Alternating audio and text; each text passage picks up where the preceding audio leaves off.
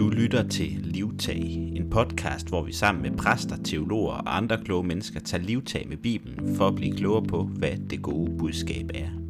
Vi læser Matthæus kapitel 2, vers 1-12, og dagens gæst er Bent Hylleberg. Velkommen til, Bent. Tak fordi du har lyst til at være med. Lige måde. Du er jo teolog, pensioneret præst, aktiv kirkehistoriker, og så ved du en hel masse om danske baptister. Vi vil læse fra Matthæus kapitel 2, vers 1 til og med 12. Jesus blev født i Bethlehem i Judæa, mens Herodes var konge. En dag kom der en gruppe stjernetyder fra Østen til Jerusalem og spurgte, hvor er det barn, som er født til at være jødernes konge? Vi har set hans stjerne stå op i øst, og nu er vi kommet for at tilbede ham. Da kong Herodes hørte det, blev han forfærdet, og det blev alle andre i Jerusalem også. Herodes kaldte de ledende præster og de skriftkloge sammen og spurgte dem, hvor er det den konge, der er nævnt i skrifterne, skal fødes? I Bethlehem, i Judæa, svarede de. Det har vi læst profeten Mika. Du Bethlehem i Juda, du hører ikke til blandt de mindste af Judas byer. Fra dig skal der komme en fyrste, som skal lede mit folk. Herodes kaldte i hemmelighed stjernetyderne til sig og forhørte sig indgående om, hvornår stjernen var kommet til syne. Så sendte han dem afsted til Bethlehem med ordene, tag afsted og find ud af, hvem barnet er. Giv mig besked, når jeg har fundet ham, så jeg også kan komme og tilbede ham. Da de havde hørt, hvad kongen sagde, tog de afsted. Stjernen, som de havde set i øst, bevægede sig nu på himlen foran dem, og den stoppede først, da de nåede frem til det sted, hvor barnet var. Da de så stjernen over huset, blev de utrolig glade, og de gik derind. Her fandt de barnet sammen med Maria. De faldt på knæ og tilbad barnet, åbnede for deres kostbarheder og gav ham de gaver, de havde med. Guld, røgelse og myre. I en drøm blev stjernetyderne advaret om ikke at tage tilbage til Herodes, og derfor tog de en anden vej hjem til deres eget land. Hvad tænker du sådan øh, umiddelbart efter den her tekst? Det er jo Jesu fødsel, vi har, øh, har her i det her stykke, i hvert fald Matthæus udgave af det. Jeg tænker, vi øh, har en historie for os, som er ganske speciel for Matthæus. Vi har kun en par gange mere til den i vores nye testamente, og det er jo det kendte juleevangelium hos øh, Lukas. Øh, og det er to helt forskellige udgaver, øh, de har af Jesu, øh, det vi plejer at kalde barndomsfortælling. Og ellers ved vi ikke noget om Jesus fra det nye testamente, før han træder frem og bliver døbt af Johannes døberen i, i Jordanblodet. Men når vi nu har fat i, i Matthæus her, øh, ja. så øh, synes jeg, det er afgørende at få sagt, at øh, Matthæus har en ganske bestemt øh, vinkel på det her, som jeg tror er, er anderledes end den vi ofte går til teksten med. Øh, når vi øh, går til en tekst, øh, så spørger vi meget ofte, hvad skete der? Hvornår ja. skete det? Hvor troværdigt er det sådan rent historisk? Kan man bevise, at det her har fundet sted? Mm. Øh, og øh, det kunne man jo godt sige nogle ting om, øh, også ud fra, fra det du præcis, eller den tekst, vi nu har læst sammen her. Og det skal vi nok også gøre omkring det historiske. Men Matthæus' vinkel, tror jeg, er langt snarere, øh, vi kunne kalde den litterær. Ja. Fordi det er et stykke litteratur, han, han øh, præsterer her. Mm. Øh, og det har han en ganske bestemt mening med. Og det er ikke afgørende, tror jeg, for øh, Matthæus i den sammenhæng her. Det primære er ikke afgørende i hvert fald, at det er så korrekt set i forhold til det historiske. Det, der er afgørende for Matthæus, det er, at der er et budskab øh, i det, som han gerne vil formidle, fordi han jo immer væk også er teolog, mm. øh, og en dygtig teolog, øh, når han skal øh, skrive øh, om Jesu barndomshistorie. Og så ligger der selvfølgelig også, hvis man er en, er en dygtig teolog, så ligger der selvfølgelig også et aspekt i det, der har at gøre med et godt budskab, noget, der kan bringe glæde. Øh, mm. Og det skulle det jo gerne være, når det er en del af juleevangeliet i hvert fald. ja, det må det, man sige. Ja. Det tror jeg også, Matthæus har som sin vinkel på det her. Mm. Matthæus er jo rigtig god til det her med at knytte det hele op på den jødiske historie. Han er jo, som du siger, en god teolog, øh, og det er også her, han ligesom præsenterer, hvad er det så for en Kristus, der kommer ind i den historie. Mm, ja, og det interessante er jo, at uh, hvis vi læser historien uh, forfra, så er det interessant jo, at i løbet af de første uh, par vers der, der stilles der spørgsmålet, hvor er det barn, som er født til at være jødernes ja. konge? Hvor er den konge, der er nævnt i skrifterne? Så det, mm. det spørgsmål, der ligger umiddelbart for, det er øh, et svar på spørgsmålet, hvor det her det skete. Og det andet spørgsmål, der kommer igen lidt efter citatet fra det gamle testamente, som jeg vender tilbage til, det er spørgsmålet, hvornår kom den stjerne til syne? Disse der, ja. hvor og hvornår spørgsmål, det er dem, vi normalt altid stiller. Ja, der er, et meget, der er et spørgsmål, som er meget vigtigere, og det er spørgsmålet, hvem handler det her om? Hvem er barnet? Tag at finde ud af, hvem barnet er, øh, siger, siger øh, Herodes jo til, til øh, de mm. vismænd. Øh, så det ja. der hvem-spørgsmål, det tror jeg er absolut det, Matthæus vil, vil have os frem til, uden nødvendigvis at skulle hænge alt for meget i, i, i hvor hvornår spørgsmål. Men de er også interessante. Vi stiller jo altid spørgsmål om, hvornår var Herodes konge?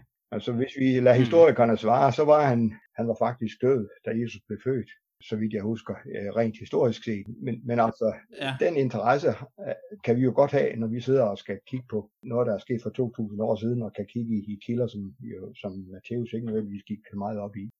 Det andet, vi mm. kunne spørge om, det, er, det er det der med, med hvordan fandt det sted, og hvordan var det nu, den der Bethlehem-stjerne, den kom så til syne som to, og var det helt afgørende, at der var en, en konstellation på himlen af, vi sagt, videnskabelig art, som er med ja. til at, at, at få øh, ledt af visemændene til Bethlehem. De kom jo til Jerusalem, øh, og så gik de øh, sydpå til, til Bethlehem, og de står, de, står, de fulgte stjernen, og det vores logik siger jo, at hvis man følger en stjerne, så går den fra, fra øst til vest på himlen, men her gik den altså mod syd, og de kom ovenkøbet frem. Hvad er det for en, hvad er det for en, en uh, snak, vi får frem, hvis vi begynder at kigge efter den slags spørgsmål? Det er vores egne vores egen nysgerrighed, vi tilfredsstiller der. Og det er slet ikke det, Matthæus er det ærende, han er ude i, tror jeg. Nej.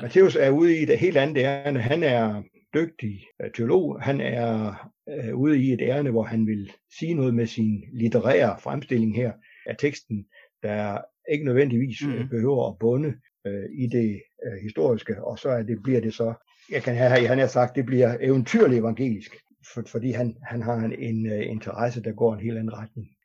Det bliver eventyrligt, det, det synes jeg kommer til udtryk ja, i hele kapitel 2 jo, og i Matteus evangeliet i al almindelighed. Og der er den sammenhæng for Matteus imellem det gamle uh, Guds folk, som havde fået en række løfter af de store mm. profeter, mm. og det er nu de løfter, der bliver opfyldt. Og disse citater, der kommer, sådan har vi læst hos profeten, enten Mikael eller en af de andre profeter, de er med til at sige noget om den sammenhæng, der er mellem øh, det Gud har lovet, og så det uh, i fortiden, og så det, der sker nu her i nutiden, og det vi skal ja. have slået fast med, af, hos Matthæus, eller fra Matthæus og slået fast i vores sind, det er, at Gud er trofast.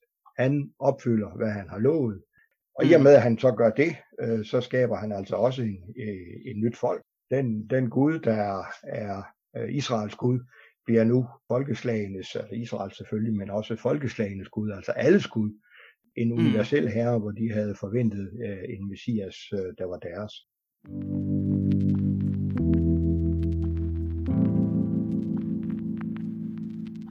Kan vi øh, dvæle lidt ved det, fordi det er også noget af det, jeg har synes er allermest interessant, det her med, at man går fra sådan, at det er jødernes skud til det er alles skud. Altså en af de ting, jeg bider meget stærkt fast i, det er det her med de vismænd, eller som der står her i stjernetyderne, mm.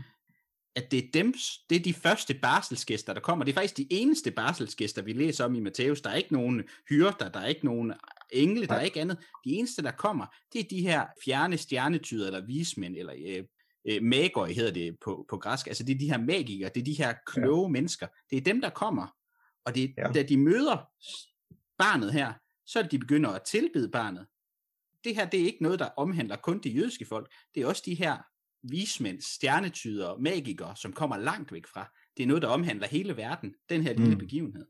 Øh, og i hvert fald for mig er det noget, der har noget evangeliet i sig. Helt klart. Den horisont er helt oplagt Matthæus' horisont. Øh, og vi kan jo se det forskellige steder hos Matthæus. Øh, han lægger den an allerede her i, i juleevangeliet. Ja, han lader den jo mm. faktisk an i slægtstavlen, som, ja. som Lasse var inde på. Men, men her er den helt oplagt. Og når han slutter sit evangelium, for nu at tage fra hop, hop hele Jesu, den her sagt, liv og levnet, og hans gerninger, og hans taler osv., som Matthæus jo er fænomenal til at, at komponere derhen af, øh, så slutter evangeliet med det, vi plejer at kalde for missionsbefalingen. Der er perspektivet jo præcis, at øh, dem, der nu har hørt øh, evangeliet, dem, der er blevet Guds folk, hans nye folk, hans folk, hans, altså den, det folk, der skal tjene kongen i det nye rige, i Guds rige, mm. de får en opgave, og det er at gå ud til alle folkeslagene og forkynde evangeliet. Så den, øh, den dimension, øh, som vi tager som en selvfølge for en kirke, der vil være i mission i dag, at den er sendt til verdens ende. Det var ikke en selvfølge for Matthæus, men det var en selvfølge, når han så på Guds øh, løfter og hvordan de mm. er opfyldt. Øh, og det skriver han om allerede her i forordet til evangeliet, og så knytter han rundt øh, til sidst øh, og slår sløjfen øh, i kapitel 28 og siger, så er det altså sket. Den mm. øh, konge, der er kommet, hvor er Jesus Kristus, han har kaldt sig et nyt folk, og nu skal det evangelium forkyndes som en stor glæde øh, til modtagelse, både for jøder og for hedningefolkene. Og der er kun den slags øh, to folk teologisk set. Der er jøderne som Guds eget folk, og så alle folkeslagene.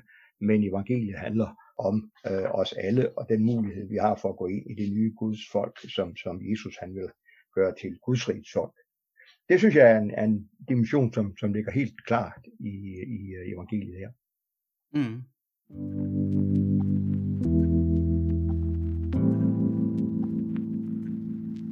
Så er der jo selvfølgelig øh, det, man kunne spørge, hvem er, hvem er hovedpersonerne osv. Og, så og der, der ved vi jo, at det er, det er Herodes, der er kongen, men, men når evangeliet sluttes, øh, slutter, så er Herodes jo øh, despoten, der prøver på ja. at øh, gøre vismændene til, ja, altså de vise mænd prøver han at gøre til spioner, så de kan finde frem til, hvem det barn er, for at han jo kan slå det ihjel.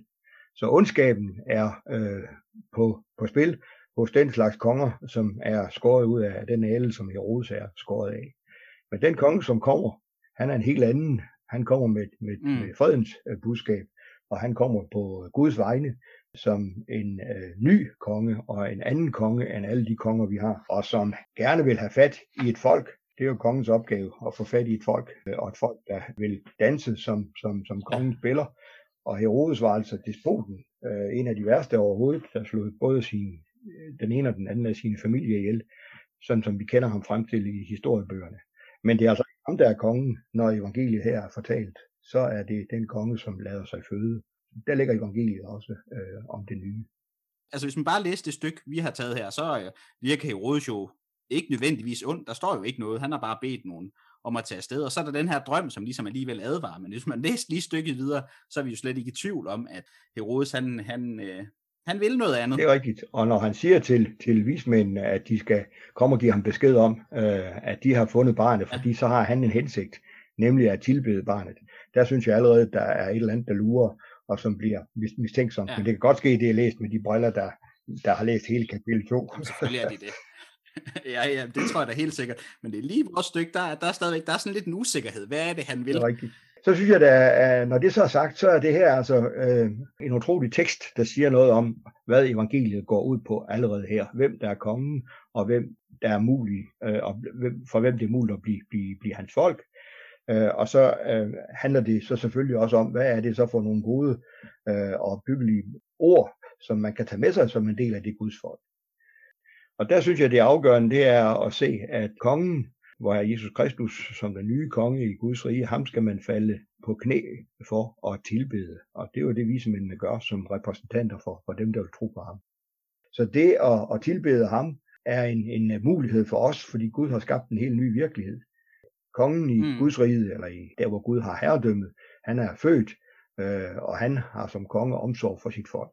Øh, det andet, som jeg synes, der er det gode budskab i den her sammenhæng, øh, det er at Guds nye virkelighed, den herre, han sætter i Guds rige, nemlig sin egen søn, han vil altid sejre over ondskab.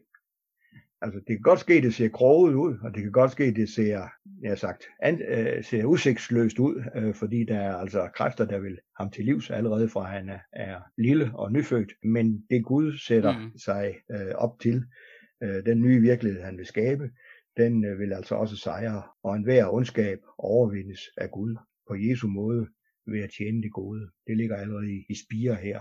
Mm.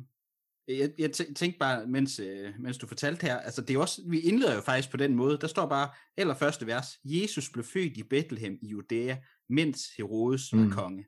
Altså der ligger jo allerede så meget spænding, især når man lige har haft sådan en snak, der kommer en ny, der, der er en eller anden konge, sådan en jordisk konge, som har sat nogle spilregler. Mm. Men her, der bliver han født, og vi kan allerede mærke, det skal til ja, at ændre sig. Rigtigt. Det bliver, det bliver slået frist mm. helt fra starten af. Der kommer en ny standard for, hvad det vil sige at ja. herske. Og hvem er de vise, der så nævnes i anden linje? Altså stjernetyderne, som der står. Ikke? Det er stjernetyderne, ja. der er de vise. Øh, det er ikke, ja, jamen, det er, det er ikke kongen, og det er ikke det jødiske Nej. folk, der øh, sender et par repræsentanter for de vise. Men de vise, det er dem, der går ind og knæler for kongen og tilbeder det barn, der er født, fordi det er ham, møder Guds øh, mm. gave til den globale virkelighed, som vi alle sammen er en del af. Og så svarer stykket på, hvem han så er. Og det er jo det afgørende. Og det får vi jo ikke meget at vide om Nej. her, men det får vi jo så at vide i de næste lange stykker. Ja. Så, så det, det er jo, som du sagde, det er jo stadigvæk introduktionen, vi er i gang i, men der er ret mange ting, der ligesom skal falde på plads, før vi kan komme helt ind i, i kernen og essensen af, hvordan Matthæus forstår, hvem, hvem Kristus er. er.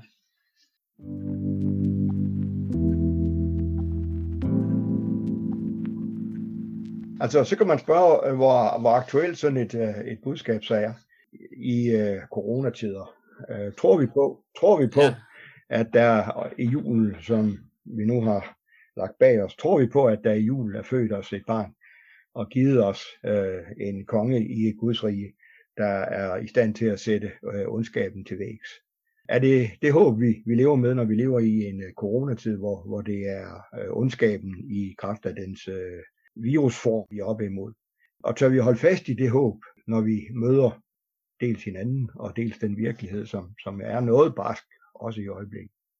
Sådan et mm. spørgsmål synes jeg også, at teksten den rejser til os. Tror vi virkelig på det, vi læser, og det Matthæus vil have formidlet?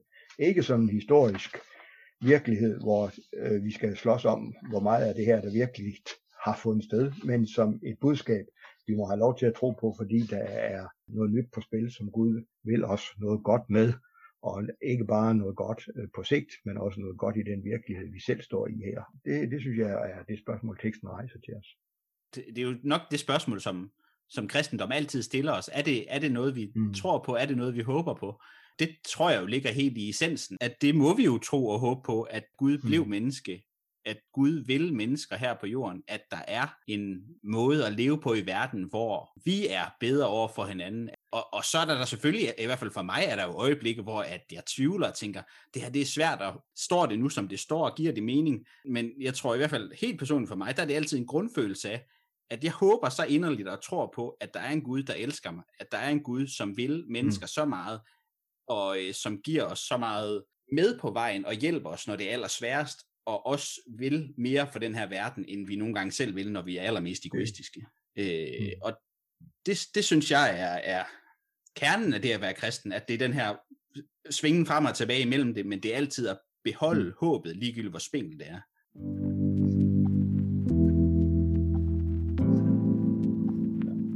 En anden ting, som jeg, jeg kunne tænke mig at tage frem, nu har du nu sagde du i starten, det er, at jeg er historiker. Og øh, jeg ja. kunne godt tænke mig, øh, og måske runde af, øh, med at, at citere en prædiken, som øh, Baptistsamfundets næstformand, øh, det var Bredal Petersen, der var præst i Købnerkirken i, ja. under krigen. Han holdt en radioprædiken anden juledag 1943. Og 1943 var, ja. var jo øh, julen 43, der var, var havde tyskerne jo altså sat den danske regering på porten, og de havde overtaget hele øh, administrationen af den danske virkelighed osv. Og hvordan i hele verden skal man tale om øh, en øh, Bethlehems stjerne og et lys fra Bethlehem øh, ind i en sådan jul. Og der, der synes jeg, at han mm. øh, i radioen, meget, meget modigt, han var selv modstandsmand på det tidspunkt, hvad der var ingen, der vidste, holdt en, en radioprædiken, som er, er, er fantastisk. Og han øh, taler om Bethlehemstjernen ved at sige, at Jesus Kristus, øh, i ham der tændes verdens skønneste og stærkeste lys. Han er Bethlehemstjernen. Og det synes jeg sådan set er en øh, meget øh, mm. øh, karakteristisk måde at gå til den her tekst på. Altså han finder straks ind til centrum i det her, og det centrum det er altså ja. det Guds lys, øh, øh, ham der sagde om sig selv, at han var, var, var verdens lys. Den, øh, den resonans kommer allerede frem i, i, i hans prædiken her. Og så taler han meget aktuelt, og det er der, jeg synes, det øh, spørgsmålet rejser sig også til os. Hvor, hvor aktuelt tør vi at være, når vi øh, så tager en sådan gammel tekst og finder Bethlehemstjernen, som var her Jesus Kristus midt i, i en sådan øh, ondskabens øh, tid, som, som 2. verdenskrig var i Danmark. Og der er han mm. utrolig skarp øh, i, sin, øh, i sin analyse. Og han, ja. nu prøver jeg at citere ham, han prædiken står i ubladet fra 1904, januar 44. Han blev sandheden for sandhedssøgere og afslører løgnen, som det den er. Han blev vejen for dem, der søgte efter Guds rige, Og der er ikke frelse af nogen anden vej, end af Jesus Kristus, om af Jesus Kristus, hverken for det enkelte menneske eller for folkesamfundet. Han blev livet for livssøgere, og jo nærmere de levede af ham, jo mere de lod sig beånde af ham, præge af ham og lede af ham, des mere fandt de af livet. Og så, når han har sat den, øh, om så må sige, dagsorden, hvor Jesus er i centrum, og det er ham, vi skal forholde os til, også som konge i en, og herre, øh, hvor det var et herrefolk i Danmark, der havde besat vort land og ville gøre en anden mm. øh, til, deres, øh, til, til, til vores herre, nemlig, nemlig herre Hitler. Ikke? Øh, så bliver han meget, mm. meget pludselig øh, øh, polemisk. For han siger, at denne Bethlehemstjernens lys, den afslører mørket i menneskets hjerte som ingen anden. Han har med sit liv og sit sind vist os, hvordan det er at vandre i lyset, i modsætning til at være et offer for djævelens magt, hvor et menneske synker så lavt, at der ikke synes at være grænser for dets bestialitet. Så kan man selv sige Hitler. Boom. En radioprøven her, ikke? Det synes jeg er modigt. Ja. Jesus Kristus afslører mørket i folkesamfundets liv og bliver mangt et folks samvittighed. Han afslører regenters og systemers hjerte og liv. Bethlehemstjernen er i dag verdens lys, der afslører mørket, hvor det findes. Han er slægtens eneste håb. Derfor trænger Bethlehemstjernens lys også igennem selv det tætteste mørke og lader sig ikke stanse. Han kan sende, man, man kan sende hans folk til Sibiriens ødemarker, eller til det 20. århundredes koncentrationslejre, men man kan ikke hindre det enkelte menneske i at hele sit hjerte at lade sig bestråle af ham, eller i at tilbede ham. Så det er øh, Bredals opgør øh, i, ind i en historisk virkelighed, hvor han prøver på at gøre sådan en ja. tekst aktuel med sit eget liv som indsats. Og der synes jeg, at vi kan lære noget. Også os, der kalder os både det ene og det andet i dag. Øh, og os, der har fået lov til at læse teksterne og gøre dem aktuelle i tider, der er mindre angrebet af det onde, øh, politisk set i hvert fald. Jeg tror, vi skal stoppe her, Bent. Slut med Bredal, der fortæller om lyset, der kommer, og lyset, der virkelig kan mørk, lyse op, når det er allermørkest. Om det så er sygdommens ondskab, eller om det er politisk ondskab, eller hvad det er for en ondskab. Øh, jeg, jeg synes, det var en god snak, vi fik os her, og i hvert fald tusind tak, fordi du havde lyst og tid til at være med her i dag. Ja, velbekomme, og tak for det. Du lyttede til Livtag, en podcast, hvor vi sammen med gæster tager livtag med Bibelen for at blive klogere på, hvad det gode budskab er. I næste uge får vi besøg af Ole Lundegård. Han er præst i Herlev, og jeg håber, du har lyst til at høre med.